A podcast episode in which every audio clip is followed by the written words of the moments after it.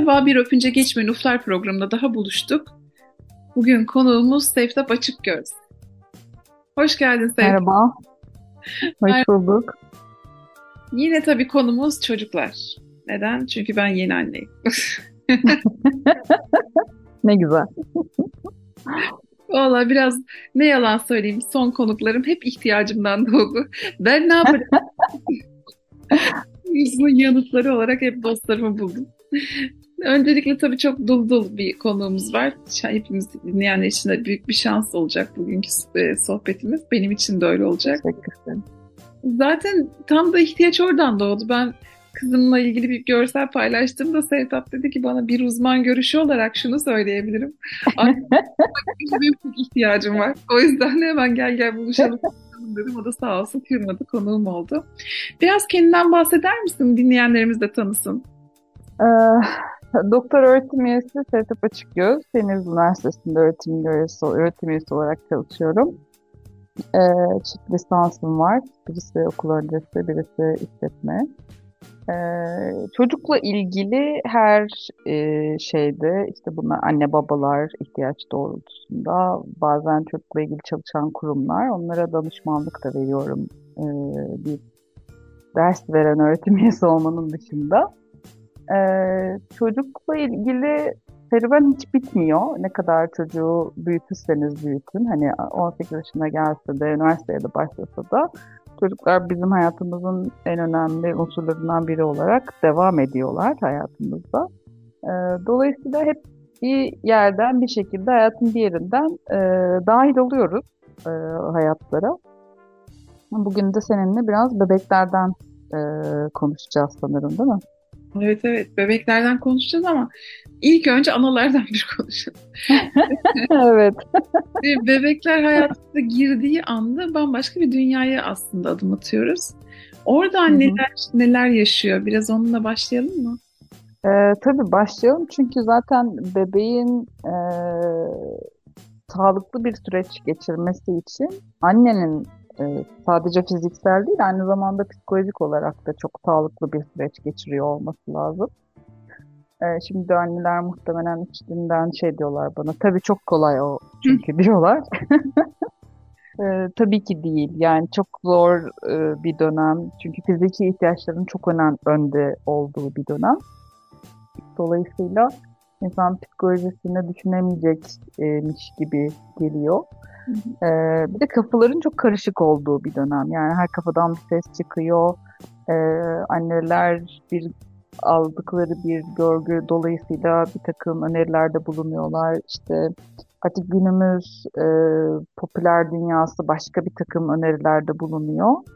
E, dolayısıyla çok fazla ses var kafalarının içerisinde haklı olarak da çok e, kafalarının karışık olduğu, bir yandan da ihtiyaçları gidermeye çalıştıkları bir dönem. Ben biraz böyle müzik aleti çalmaya benzetiyorum onu. Hani hem elini doğru yere koy, hem çıkan sesi dinle, hem notayı oku falan. Ee, öyle aynı anda bir sürü şey yapmanız gerektiğini düşündüğünüz bir dönem gibi geliyor. Bilmiyorum sen belki daha iyi yorumlarsın. Kesinlikle öyle. Her şey yönetmen, her şey düşünmen gereken bir sürece giriyorsun gerçekten. Evet.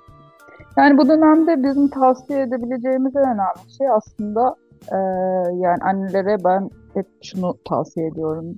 Duygularınızı anlamaya çalışın. Yani bu dönemde yaşayacağınız her duyguyu bir kere kabul edin. Duygular insanlar için yani öfkede, mutlulukta, kıskançlıkta her şey bizim için. Ee, bir kere bunu kabul etmekle işe başlayalım. Yani duygularımızla mücadele etme süreci bizi daha çok yıpratan, daha çok yoran, e, efor yani enerjimizi, kısıtlı olan enerjimizi e, gereksiz sarf ettiğimiz bir yer olarak e, yer alıyor. Burada yapılacak şey şu mesela kafanız mı karışık yani bunu e, kabul ediliyor. Yani evet kafam karışık ve karışık olması çok normal. Bir kere normalleştirmemiz gerekiyor. Ondan sonraki aşamada da neden kafam karışık ya da neden böyle hissediyorum? Biraz duygularımızı anlamaya yönelik kendimize sorular sormak. Ben ne istiyorum? Çok önemli bir soru. Yani e, ben ne istiyorum sorusu aslında bebekle çok ilintili. Ben annelerin bu dönemde içgüdülerinin çok kuvvetli olduğunu düşünüyorum. Yani bebeğin ihtiyaçlarını çok iyi analiz ediyorlar aslında. Hı hı. Ama o çok fazla ses çıkması, o çok fazla kafanın karışık olması bazen o sesi çok iyi dinleyemememize neden olabiliyor. Hı. Ee, dolayısıyla o sesi dinleyebilmemiz için biraz e, dış uyaranlara biraz kafamız, kulağımızı kapatmak, kendi kafamızın içerisinde e, kendimizle biraz sohbet etmeye çalışmak. Mesela şu an öfkeliyim. Ama gerçekten acaba o öfkemin altında ne yatıyor? Şimdi eşler için de çok zor bir durum yani. E, annenin gelgitlerinin duygusal iniş çıkışlarının çok yoğun olduğu bir dönem. Erkekler zaten hani duygusal e, becerileri çok hep demeyelim ama hani genelde e, çok e, yönetebilen e, insanlar olmadığı için zorluk yaşıyorlar. Ne yapmam gerekiyor? Mesela işte anne, anne üzgünse ne yapmam gerekiyor? E, aslında bu süreçte ne istiyorsun? Neye ihtiyacın var? Senin için ne yapabilirim sorusu babalar için. E, güzel bir soru diye düşünüyorum. Çünkü o zaman anne de o kendine dönüp evet ben ne istiyorum ya da ne olursa iyi hissederim sorusunu sorma şansını yakalayabiliyor. Bunu bu çünkü sıklıkla yapılması unutulan bir şey diye düşünüyorum. Ya bir de tabii annelik çok fazla kutsandığı için anne her şeye yetmek zorundaymış gibi de hissediyor. Her şeye yetmek evet. zorunda değiliz yani. Hı hı hı. Bir kere insan olduğumuz fikrinden asla uzaklaşmamamız gerekiyor. Dolayısıyla insanız ve e, kısıtlı e, becerilere sahibiz. Hani mükemmel olmak zorunda değiliz. Ee, hiçbirimizin annesi mükemmel değil. Evet çok kıymetliler, çok becerikliler. Bizim gözümüzde aslında onlar bir süpermen ama e, realitede baktığımız zaman e, hiçbiri mükemmel ya da kusursuz değil. E, ama bizleri işte doğurmuşlar, bu yaşa kadar getirmişler. E, bu sonuçta şöyle değerlendirildiğinde hani sağ salim buralara gelmişiz değil mi? Hani böyle baktığımızda makul karşılanması gerekiyor. Ee, bir kere o mükemmel olmak, işte yetebiliyor muyum, ben bu çocuğa iyi bakabiliyor muyum soruları çokça benim karşıma gelen sorular oluyor. Ee, işte ya bir şeyleri eksik yapıyorsam sorusu. Şimdi birazdan aylara geçtiğimizde anlatacağız. Ee, bebeğin fiziksel ihtiyaçlarını karşılıyorsak ve bebek huzurlu bir ortam içerisinde büyüyorsa en temel şeyleri karşılamışız demektir. Ondan sonraki e, eksik olduğunu düşündüğümüz şeyleri sonradan fark ettiğimizde bunları telafi edebiliriz. E, tabii ki yani bebeği aç bırakmak değil ya da altını temizlememek değil. Hani işte hmm, artık katılı katılı ağlayan bir bebeğe bakmamak değil. Hani fiziki ihtiyaçlar diye söylediğimiz şeyler bunlar. Ee, ve bebek güven duyduğu bir ortamda büyümeye devam ediyorsa, huzurlu ise zaten birazdan aylarla ilgili konuştuğumuzda normal gelişen bir çocuk bunları doğru tamamlayacaktır. Dolayısıyla sizin hani acaba yetemiyor muyum, eksik miyim, e, ben iyi bir anne miyim sorularınızı da bir nevi gelişerek çocuk size gösteriyor. Peki o zaman aylara giriş yapalım istersen. Çünkü bende de öyle bir şey oluyor. Mesela o gün bir aktivite yapmadıysam ya diyorum ben bu çocuğun gelişimini destekleyemedim bugün. Bir emzirdik. eksik kaldı. bir emzirdik uyuttuk. Eksik kaldı. Bu çocuğun beynini geliştiremedim ben. Duyusal yapamadım falan. Yani sonra diyorum ki sakin ol. Henüz 3 ay. Yani ya da işte bunu 2 aylıkken de hissediyordum falan. Yani aslında belki de bu konularda çok baskı yaşıyoruz. Ne yapmak gerekiyor? Ya şimdi e, günümüz dünyasında bir kere zaten şunu altını çizmemiz gerekiyor. Artık IQ değil, IQ'yu eşlik eden EQ e, iş dünyasında başarı getiriyor. Yani bu bilimsel çalışmalarla da desteklenmiş bir mesele. O yüzden biz çocuğumuzun e, tek başına IQ'sunu destekleyerek aslında yapmak istediğimiz, ulaşmak istediğimiz hedefe ulaşmış olmuyoruz. Burada şunu da unutmamak gerekiyor. Hani dahilikle delilik arasında ince bir çizgi vardır derler. Yani çok IQ'su yüksek bir çocuğunuz var ama psikolojik anlamda bir takım e, problemler yaşıyor. Yani bu isteyeceğimiz bir şey değil. Dolayısıyla bunu e, bir şeye dönüştürmemek, bir hırsa dönüştürmemek ya da e, başarı kaygısıyla hareket etmemek gerekiyor. Bebeklerin e, becerileri aylar ilerledikçe gelişir. Ama bebeklerin çok e, daha anne karnındayken yapabildikleri çok önemli bir beceri var. O da annenin duygu durumunu hissetmek. Tamam, evet. Diyecek. Yani siz duygu durumunuzu düzenleyemediğiniz takdirde bebeğin de duygu durumunu düzenlemekte güçlük çekersiniz. Yani e, çok kaygılı, çok endişeli ve panikle hareket eden bir annenin bebeğinin huzurlu ve sakin olmasını beklememiz gerçekçi olmayacaktır. Dolayısıyla bu tarz kaygılardan uzak durmaya çalışmak. Yani hmm, işte çocuğunuz her gün e, sebze yemeyen, mesela bir gün sebze yemedi diye bütün vitamin deposunun boşalmayacağı gibi e, bir gün etkinlik yapmadığınızda da e, Allah'ım her şeyden geri kaldı ama ya Rabbim gibi bir kaygıya girmememiz gerekiyor. E, ve işte bu hani en başında sorduk ya ben ne istiyorum sorusu çok önemli. Çocuğumun neye ihtiyacı var ve ne istiyor ya da bebeğimin neye ihtiyacı var ve ne istiyor sorusu da yine aynı şekilde çok önemli. Anneler çok süreden ezbediyorlar bunu yani.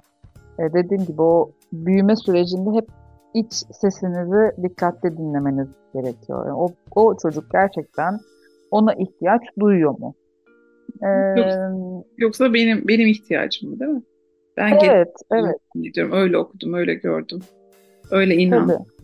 Be, tabii benim de orada bilinçaltımda ne yatıyor ona bakmak lazım. Yani e, benim kaygılarım e, acaba kendi yaşanmışlıklarımla ya da çevremde gördüğüm örneklerden yola çıkarak e, bir takım şeyleri fazla mı büyütüyorum, daha mı yüksek yaşıyorum? Mesela bunları biraz tahlil edebilmek gerekiyor. E, bir de bir annenin bence yapabileceği en önemli şeylerden bir tanesi, hani çocuğunu desteklemek isteyen bir annenin yapabileceği en güzel şey çocuğunu tanımaya çalışmak. Yani siz çocuğunuzu iyi tanımayı başarabildiyseniz zaten ne ihtiyacı olduğunu biliyorsunuz. Yani bu hani derler ya problemi ne olduğunu tanımlamak sorunu çözmenin yarısıdır diye. Hı hı. E, sorunu zaten yarı yarıya çözmüş oluyorsunuz. Dolayısıyla e, biraz daha az kaygılı bir anne e, haline geliyorsunuz diye söyleyebiliriz. Gördüğümüz örneklerden de yola çıkarak. Evet. Ben de çok defa deneyimledim gerçekten. Ben huzursuzsam, ben ya da bir şey üzülmüşsem anında onda da tepkisini hissediyorum. Uyu, mesela çocuk uyumuyor gerçekten o an. Onun da bir ağlama krizi başlıyor falan. Yani böyle şeyler özellikle şu anki gündemde de örneğin haber izliyorsam o sırada e, çok etkileniyoruz tabii ki yaşanan gündem sebebiyle. Savaş sebebiyle. Onda da aynı şekilde o etkiyi gördüm. Yani seninle paylaşmıştım galiba. Ağlayarak uyandı mesela. Kucağımdayken ben haber izlerken. Yani demek ki Tabii. çok net bir şekilde onu aktarıyoruz. Ne hissettiğini. Peki neler yapalım onu mutlu ve huzurlu etmek, huzurlu hissettirmek için? Hangi etkinlikler onu daha keyifli hale getirir? Nasıl gelişmeye, nasıl destekleyici roller üstlenebiliriz? Ee, şimdi bir kere hani gelişim özelliklerine hepimiz bir şekilde bilgiye artık ulaşmak çok daha kolay. Dolayısıyla bir yerlerden bir şekilde ulaşıyoruz. Benzer kaynaklardan da benzer bilgileri ediniyoruz. Ben biraz e, kilit noktaların üzerinde durmak istiyorum. E, dolayısıyla mesela o aylarda neler yaparsak e, çocuğun işte gelişim basamaklarını bir üst seviyeye taşımakta ona yardımcı olabiliriz gibi bir e, başlık belki koyabiliriz buna. Mesela bebek doğduğu e, andan itibaren ilk hafta e, çok net göremiyor ve flu bir görüntü e, var görme özelliği dolayısıyla. Ve bu görüntüler siyah beyaz. E, dolayısıyla mesela siyah beyaz uyaranlar e, bebeğe göstermek ya da siyah beyaz uyaranlarla bir takım e, oyunlar oynamaya çalışmak bu anlamda daha iyi olabilir. Yani anneyi mesela tam olarak seçemiyor o e, net görememe durumundan dolayı. Bu yani olumsuz bir şey değil bu arada hani kimse kaygılanmasın.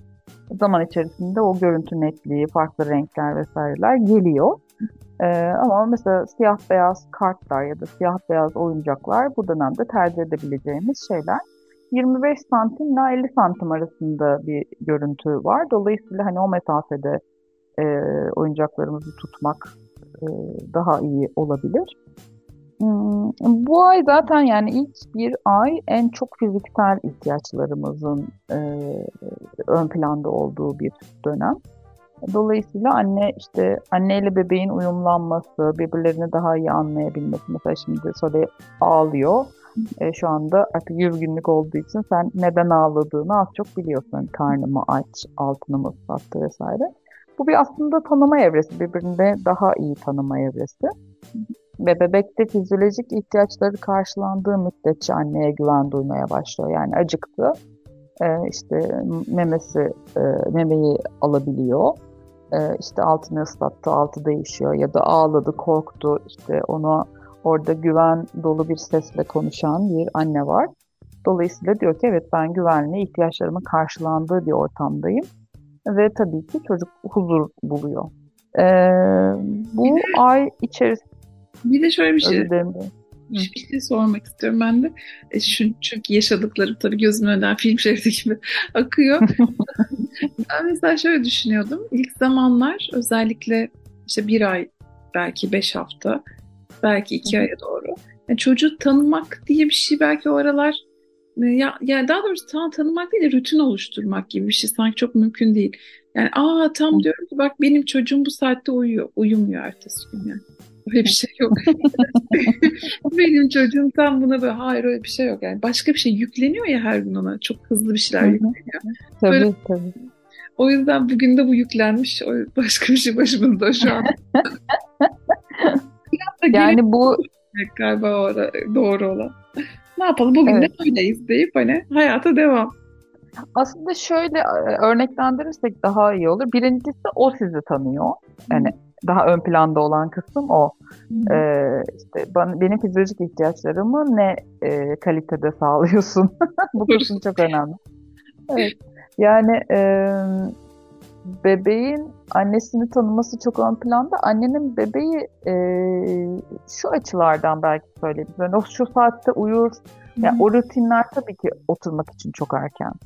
E, ama mesela sen söyleyin hani nasıl e, emdiğini ya da işte uyurken ne kadar derin uyuyor ya da işte ne kadar hızda e, derin uykuya geçiyor gibi bir takım ım, alışkanlıklarını görmeye başlıyorsun. O da o, o sırada alışkanlıklar kazanmaya başlıyor. Yani tabii ki bu böyle hop diye bir günde hani e, flört dönemi gibi düşünelim mesela. Bazen bir kişiyle ilgili bir e, şeyimiz olur ya bir öngörümüz olur. Hı hı. Ama bir hareketten yola çıkarak diyemeyiz cimridir ya da bonkördür. İşte çok eğlenceli biri diyemeyiz. Üç gün sonra gelip e, çok kasvetlidir mesela. Hani.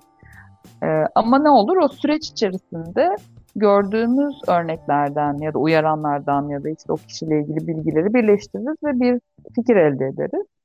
Ee, biz de zaman içerisinde bebeğimizin farklı davranışlarını birleştiririz ve sonra deriz ki evet şöyle yapmayı tercih ediyor ya da böyle yaptığında rahat ediyor. Ama tabii ki bunun için zamana ihtiyaç var. Hemen olacak bir şey değil. Ben mesela şunu fark etmiştim. Soleil çok gürültülü, çok böyle yüksek enerjili şeylerden hoşlanmıyor. Daha dinginliği sever, seviyor ben. Hı hı, hı. Ona iyi geliyor. Bunu aslında mizaç diye bir şey galiba var. Değil mi? Tabii. tabii, tabii. Ama herhalde bu, bu aralar işte belki keşfetmemiz gereken yerler biraz oralar. Dediğim gibi. Hı. Yani mesela çok güzel bir yerden girdin. Bir aylıkken insan sesine duyarlı hale gelmeye başlıyor normalde bebekler. Şimdi e, sizin sesinizi işte e, şey yapıyor, tepki veriyor ya da e, ona karşı hani belki mimiklerle, jestlerle değil ama sizi duyduğunu ya da sizin e, onunla iletişim kurmaya çalıştığınızı anlıyor ve e, buna yönelik bir takım hareketler yapabiliyor. Yani mesela fiziki e, kıpırdanmalar olabilir ya da size doğru dönmeler, sesi takip etmeye çalışmalar vesaire. Ben mesela bu aylarda e, özellikle hani anne karnındayken konuşmaya başlayın deriz ama özellikle bu bir aylık olduktan sonraki süreçten anne de artık kendini toparlamaya başladı. E, bebek de artık e, güvenli bir ortamda fiziksel ihtiyaçlarını karşılandığını bildiği bir ortamda artık sohbet etmeye başlarım başlayın diye öneriyorum. Çünkü sese karşı bir duyarlılık e, oluyor. İnsan yüzlerini fark etmeye başlıyor. Dolayısıyla bu zaman diliminde sohbet edin. Şimdi mesela anneler genelde sohbet edin derken yani Şimdi sohbet edin. Tabii ki de gidip hani dünya siyasetinden konuşun gibi bir şey değil. Ee, ama siz çocuğunuzla neyi paylaşmak istiyorsanız o an işte böyle acıktı. Şimdi mama yemek istiyor. Ee, gün güzel bir gün bak dışarıda güneş var. Dan tutun da. Ee, anlatmak istediğiniz hani çocuğunuzla iletişim kurmak istediğiniz şeyleri söyleyebilirsiniz. Yapılan bir araştırmada bebeklerle e, normal bir iletişim diliyle yani normal konuşma diliyle konuşulduğunda ilerleyen süreçlerde dil becerilerinin çok daha geliş, iyi geliştiği gözlenmiş. Ee, bazen görüyorum çevremde de işte bir aylık bebeklerle e, hiç anlamadığım bir kendi uydurdukları bir bebekçe dili geliştiriyorlar. E, tabii ki o bebeğin e, bıngıldama dönemi dediğimiz o işte e, sesler çıkararak dili öğrenmeye çalıştığı dönemde bunlar yapılabilir. Ama biz çoğunlukla bebekle normal iletişim diliyle konuşulmasını tavsiye ediyoruz. Dilin kazanımı açısından bu çok önemli. Bugün mesela ben onun eşyalarını hazırlıyordum. O da bana hı hı. hayatın gerçeklerini anlatıyordu. Yani artık bayağı dile geldi böyle e ü dediğin gibi o kendince bir dilde anlatıyor. Anlatırken de nerede ha evet aa filan diye ben tepkiler verince daha da bir coşkuyla anladım. Evet. tabii tabii sese karşı artık çok duyarlı olduğu için kendi dilinde iletişim kurmaya başlıyor. Yani dil öğrenimi öyle bir şey zaten hani bir e, dili dinle dinliyorsunuz, o dile karşı bir aşinalık geliştiriyorsunuz. Sonra siz de benzer şekilde sesler çıkartarak o kelimelerin nasıl telaffuz edildiğini öğrenmeye çalışıyorsunuz. Çocuk için çok da e, normal, anlaşılabilir bir süreç bu. Yine bu aya has olarak yüzüstü pozisyonda hafifçe başını kaldırabildiğini biliyoruz. Dolayısıyla e, mutlaka yetişkin kontrolünde e, yüzüstü pozisyonda çok kısa süreler yatırıp işte kafasının kontrolünü sağlayabilmesi için e, minik egzersizler yapılabilir. İkinci ayda bu yan dönmeye başlıyor. E, dolayısıyla yine çok kontrollü bir şekilde yapmamız gereken, e, dikkat etmemiz gereken senin uzmanlığınla ilgili tabii ki burada ahkam kesmek istemem ama hani kazalara yönelik e, sen zaten bolca anlatıyorsundur. Çok hassas olmamız gereken zamanlardan bir tanesi. Çünkü bebekler bu hareketleri yapabiliyor olmaları bunları çok kontrollü yapabildikleri anlamına gelmiyor. E, deniyorlar yani yapmayı deniyorlar. O yüzden mutlaka yetişkin gözetiminde olmasını biz öneriyoruz altını çize çize. Ee, yine bu dönemde eşyaları daha uzun süre izleyebiliyorlar. İşte bu dönemden sonra e, uyaranlar vermeye başlayabiliyoruz. İşte görsel uyaranlar vermeye başlayabiliyoruz. Ee, anneyi ayırt edebiliyor. Artık anneyi tanıyor. Yani yüzünü ayırt edebildiği için. Yani dolayısıyla e, anneyle iletişim ilişki daha da kuvvetlenerek e, gitmeye başlıyor. Üçüncü ayda baba da aramıza katılıyor. E, babayı da artık tanımaya başlıyor. Ve ellerin çokça hayatımıza girdiği bir dönem. Elleriyle keşfetmek istiyor. Dolayısıyla oyuncakları... Sürekli oral Evet. Tabii, tabii. Oral dönem e, ne bulduysa ağza götürmek şeklinde ilerliyor. Çocuklar dünyayı ağızlarıyla keşfediyorlar. Oral dönemin esprisi budur. Dolayısıyla eliyle tutabildiği e, her nesneyi ağzına götürüp ağzıyla da onu keşfetmeye, anlamaya çalışır. Bu çok normal, olağan bir durum. Problem, yani panik yaşamaya gerek yok. Dördüncü ayda e, bu çok yo- yoğunlaşmaya başlar artık çünkü tutabilir hale gelir e, ve zaten oral dönemin daha baskın olduğu bir dönemdir. E, ve yine bu dönemde kitap hayatımıza girmesi gerekir. Ondan öncesinde böyle resimli hani yazı olmayan sadece büyük resimlerin olduğu kitaplar kullanılıyor evet. Ee, ama dördüncü ayda itibaren artık mutlaka hayatımıza kitabın girmesi gerekiyor diye düşünüyoruz. Bu etkileşimi de arttırıyor. Efendim? kitap denilen kitaplar mesela ikinci, üçüncü ayda olabilir mi? Hı hı. Tabii tabii olabilir. Yani bundan önce vermeyin gibi bir şey değil bu. Ama dördüncü ayda mutlaka hayatımıza bir rutinde hatta mesela uyku öncesi rutini olarak hmm. girebilir. İşte uykudan önce biraz kitaba bakmak, biraz kitap üzerinden konuşmak, bir şeyler anlatmak. Ee, bak burada bir ayı var, ayının kulakları var. Ee, ayı, ayı bal yemekten çok hoşlanıyormuş gibi böyle hani bir noktadan sonra sohbet etmek biraz zorlaşıyor ya annelere hani hep konuşun bebekle diyoruz. E, ama ne anlatacağım gibi böyle sorularla karşılaşıyorum. Ben o kitaplar da bize o anlamda yardımcı olabiliyor. Beşinci ayda e, duygularını göstermeye başlıyorlar. Bence bu bir fırsat. E, ben genelde işte bu seminerlerde anne babalarla konuştuğumda nasıl çocuk yetiştirmek istiyorsunuz diye sorduğumda hep özgüvenli çocuklar yetiştirmek istedikleri geri bildirimini alıyorum. Belki şu an senin için çok erken ama Yo, hani nasıl bir çocuk yetiştirmek istersin? Kendinden memnun, özgüven, kendini seven bir çocuk. Değil mi? Evet ilk akla e, yani bu dönemin anne babalarının beklentisi bu yönde. E, özgüvenli çocukların özelliklerini biz aslında sıraladığımızda en çok duygularını anlayabilen ve bunu ifade edebilen çocuklar görüyoruz. E, duygularını anlayabilen, onunla başa çıkmayı becerebilen e, ve bunu karşı tarafa da aktarabilen e, çocuklar genelde özgüvenli çocukların gösterdiği özellikler olarak sıralanabilir. Hmm, yani nasıl anlayacak duygusunu, nasıl ifade edecek? Bir kere e, çocuklar ıı, aslında duygularını ifade etmek konusunda cesaretliler. Ama biz o dili çok bilmiyorsak, e, orayı o süreci yönetemiyorsak biraz o çocukları biraz e, nasıl diyelim törpülüyoruz mu diyelim e, ya da bastırıyoruz mu diyelim. E, bizim yönlendirmemizle bunu yapmaktan vazgeçiyorlar. E, şu an kızgınsın. Mesela kızılacak bir durumsa haklı. İki duygular zaten eleştirilebilecek şeyler değil. Duyguyu e, her insanın kendi özelinde olduğu için kabul etmemiz ve saygı göstermemiz gerekiyor. Ee, mesela öfkeli bir çocuk bir arkadaşına vurdu diyelim ki. Ee, şu an kızgınsın, seni anlıyorum ama bu sana arkadaşına vurma hakkını vermez. Davranışı eleştirebiliriz. Davranışı eleştirmek çok e, normal ve e, kabul çizgisi içerisinde ama duyguyu eleştirmek çok doğru. Ya bu ne, bundan korkulur mu ya da buna mı ağlıyorsun?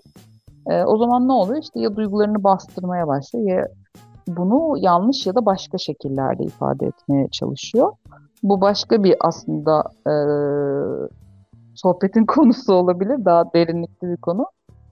Ama biz bu ayda anlayabiliriz çocukların e, duygularını aşağı yukarı ne, neler hissettiklerini. Yani tam söylediğin yerden aslında biz çocukken bunu deneyimlemişizdir. İşte korkuyorum anne ya da baba. E korkacak bir şey yok. Değil mi? tabii tabii. Hepimize kesin söylenmiştir. Ha, niye bebek gibi ağlıyorsun? Niye işte çocuk gibi ağlıyorsun? Sanki sadece bebeğe özgü bir şeymiş gibi o ağlama becerisi. O zaman kabul ediyoruz. Bebek değilseniz ağlamayı kabul etmiyoruz. yani e, tabii kültürün de bu burada çok büyük etkisi var ama e, artık gelişiyoruz, değişiyoruz. Dolayısıyla iyi iletişim becerisi çok önemli. Ee, iyi iletişim kurabilenler de survive ediyorlar bu Homo sapiens'ten beri. E, bizi e, buralara getiren unsur biliyor, biliyoruz ki. Doğru. Peki. Hmm, altıncı ayda Özlem bir şey soracak. Yok yok merak de, yani devamı ile ilgili sen anlatıyorsun. Altıncı ayda e, hangi elini kullanacağı aşağı yukarı belli olmaya başlıyor ama 2-3 yaşlarına kadar bu netleşmez. Ee, ama bir baskın el kullanımı olabilir. Orada belki onu e, fark etmek e, önemli bir unsur olabilir. Hani neden fark edelim? Belki şöyle öyle bir soru gelebilir e, akıllara. Ben müdahaleyi doğru bulmuyorum bu arada. Yani sağ elini kullanıyorsa, işte sol elini kullanıyorsa mesela eskiden yapıyorlardı hani sağla kullansın, sağ kullansın diye baskı yapmak. E, bu gelişimi e, ket vuran bir durum. Dolayısıyla kesinlikle e, hangi elini kullanacağı konusunda çocuğa baskı yapmamak gerekiyor. E, sadece belki sağı da kullanmak konusunda teşvik edebiliriz. Yani işte sağ eline oyuncağı uzatmak, sağ elle tutmasına e, fırsat vermek gibi olabilir.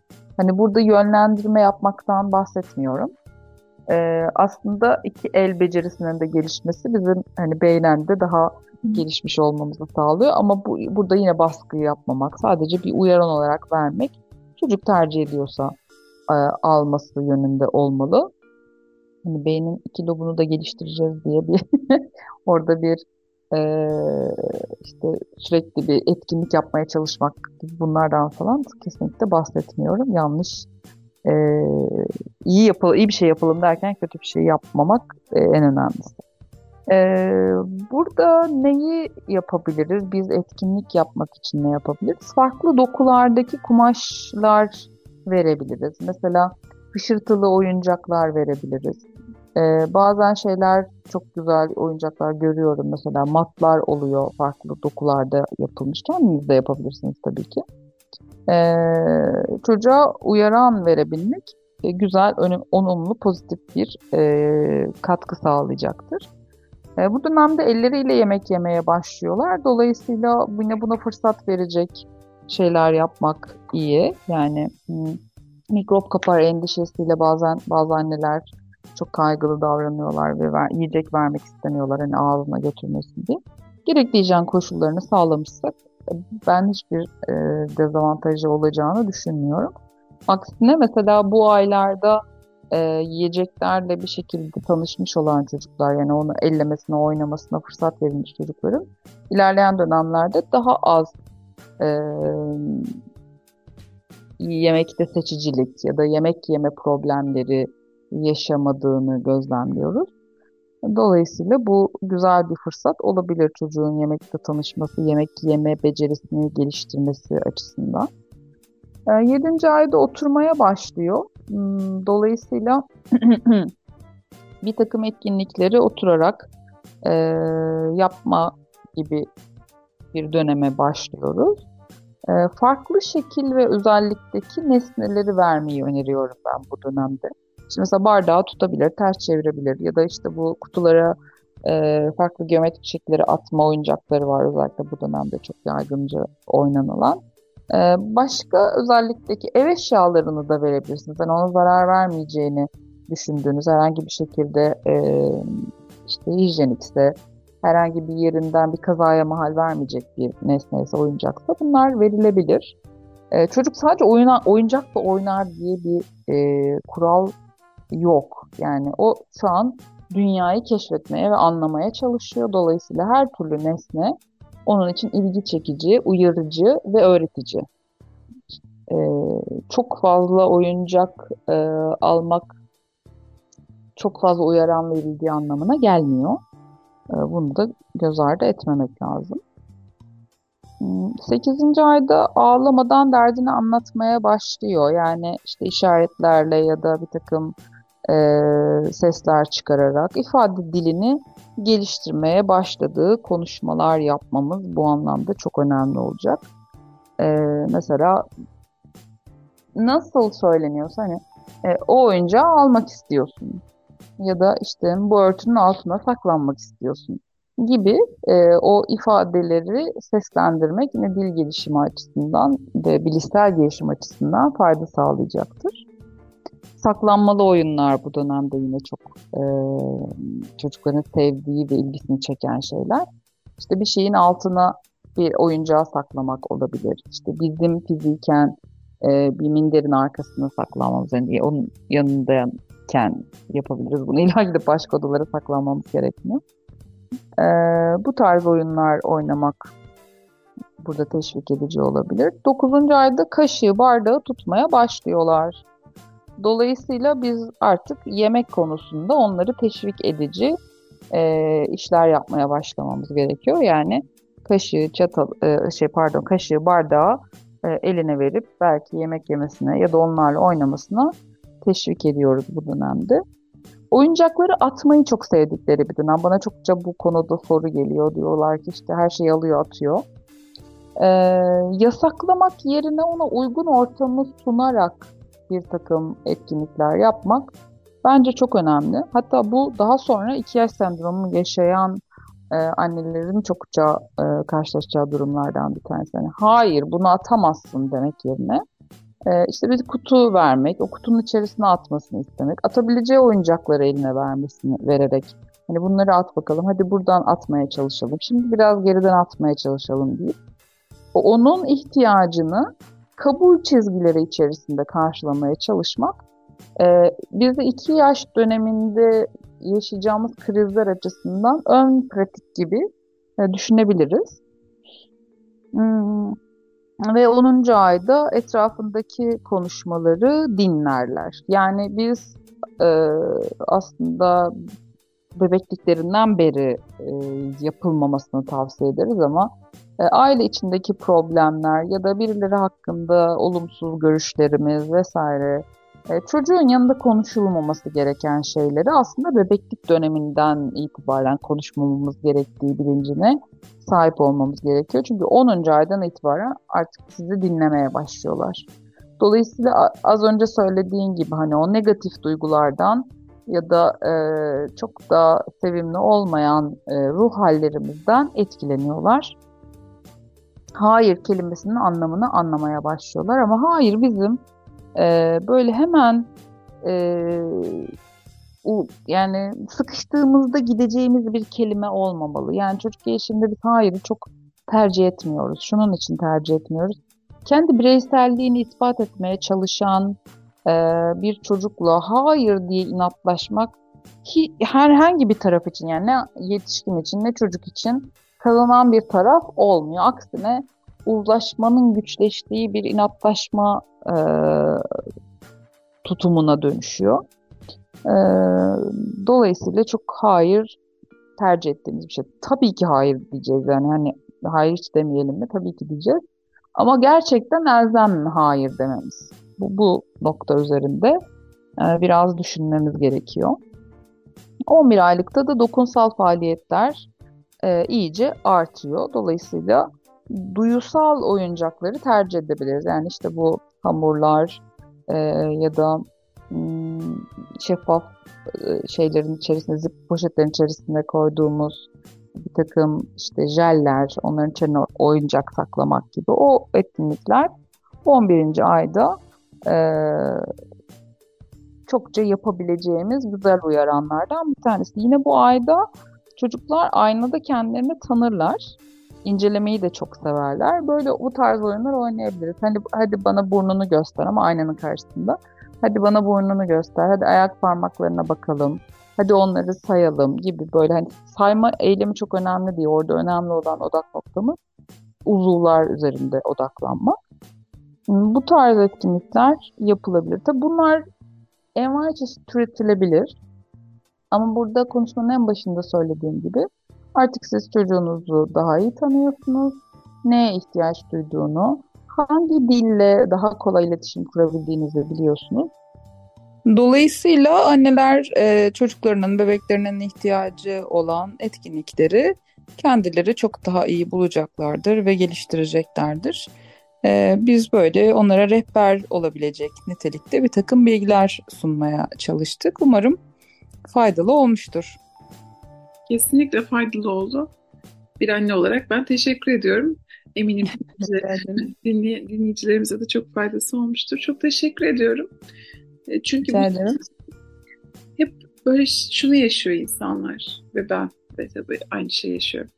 Doğru zamanda mı? Mesela az önce de doktorumuzun notlarına bakıyordum. Bir şey detaya bakmak istemiştim. Orada hı hı. gelişimi ayında yazmış mısın? Ha, oh çok iyi falan. E, bu gayet böyle mutlu eden bir cümle. oh, tamam ya. Çünkü önde de olsa bir sıkıntı, geride de kalsan çok büyük üzüntü falan.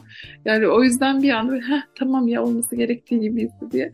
Şimdi senden aldığımız bilgiler aslında bu anlamda bizim için önemli. Hep orada çünkü takılıyoruz ya bu ayda bu olmalı mı? Geç mi kaldık? Herkesin çocuğu şöyle hepimizin gibi öyle mi falan. Tabii o kıyaslamaları da yapmamak gerekiyor muhtemelen. Ama yolunda gittiğini bilmek de iyi geliyor ve ona eşlik etmek için de kendimizi donatmaya çalışıyoruz aileler olarak. Çok güzel bir noktaya değindin. Yani gelişim şöyle bir şey değil, çok keskin.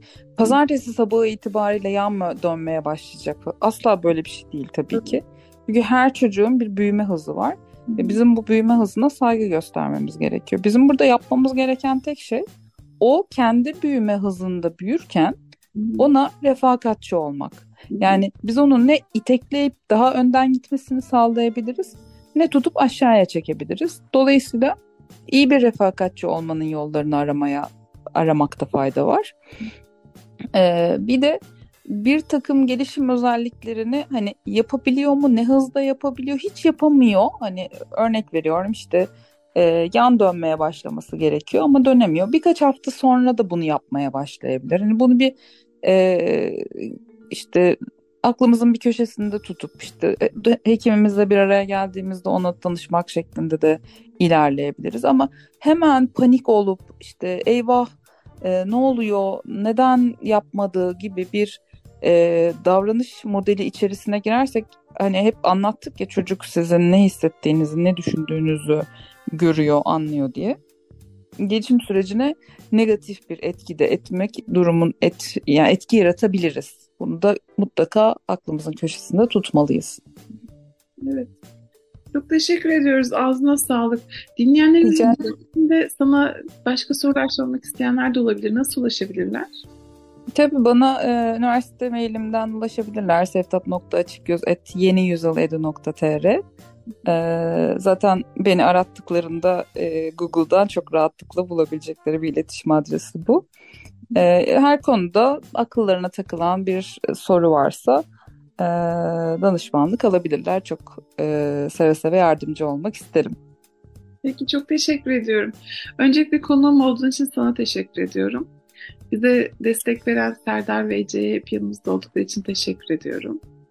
Dinleyenlerimize çok teşekkür ediyorum. Sizleri seviyorum ve Türkiye'ye teşekkür ediyorum bu yolculukta bize yoldaş olduğu için. Ben Deniz Karadeniz. Bana da Deniz Karadeniz Eğitim Instagram adresinden her zaman ulaşabilirsiniz. Haftaya aynı gün ve aynı saatte görüşmek üzere. Hoşçakalın. Hoşçakalın.